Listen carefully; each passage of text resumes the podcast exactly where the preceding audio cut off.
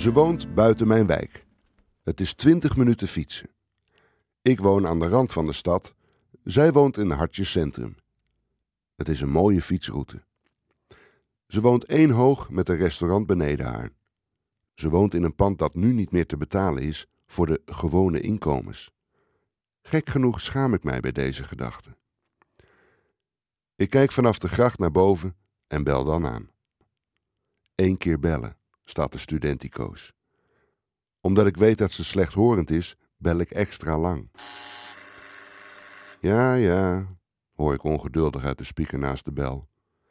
Een tussendeur in de gezamenlijke entree zoomt om opengedaan te worden. Ik begrijp dat de voordeur, die al open stond, niet haar directe voordeur is als het restaurant geopend is. Anders wel. Ik ben op tijd voordat de zoomer ophoudt en open de deur. Slecht ter been en slecht horend, maar bij de tijd. Dat is de beschrijving die ik van Jos over haar heb gekregen.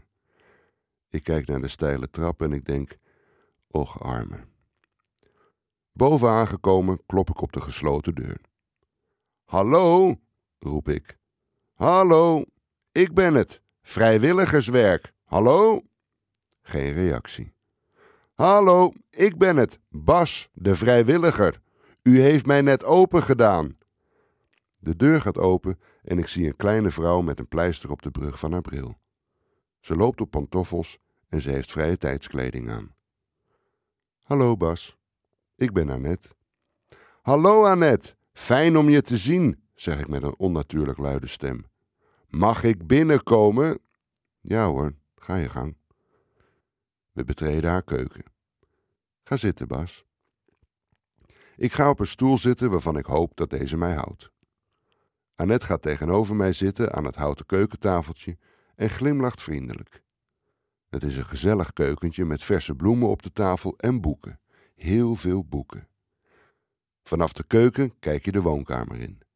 De woonkamer lijkt wel een donker schilderij. Rechts haar bed met een nachtkastje, een grote ronde tafel daartegenover. Op de tafel staat een mooie lamp en een kleedje over de bol gedrapeerd. Verder een televisie die uitstaat in de hoek en nog een paar stoelen. In de neus van de L-vormige woonkamer staat een antieke boekenkast met veel boeken erin, servies en prulletjes. Op de vloer liggen verschillende soorten tapijt. Het ruikt naar oma. Ik word er wat melancholisch van en dat had ik gehoopt te voelen.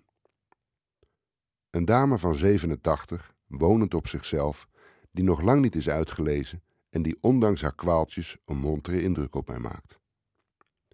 Wil je koffie, Bas? Graag, Annette. Wacht, ik doe het zelf wel even, want dit koffieapparaat heb ik ook thuis op mijn werkkamer. Annette laat een ouderdomsboertje. Daar zitten we dan. We moeten allebei een beetje wennen aan de nieuwe situatie. Nou, vertel maar, Annette. Wat moet ik vertellen dan? Ik weet het niet. Wat je wilt. Wat wil je horen dan? Ik denk dat jij een lopende encyclopedie bent waar ik graag naar luister. Goed dan, zegt Annette. Ze laat nog een boertje en ze begint te praten.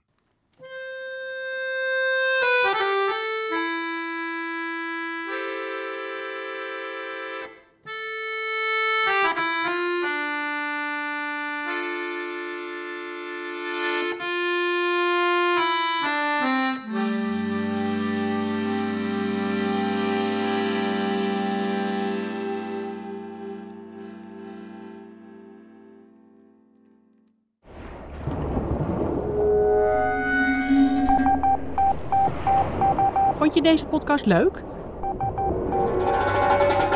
Luister dan ook eens naar Scripts of Screen, een podcast van de meest spraakmakende, niet verfilmde scenario's.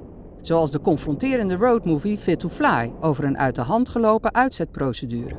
Of Mondriaans Victory over de onvermoede kanten van het leven en werk van Piet Mondriaan.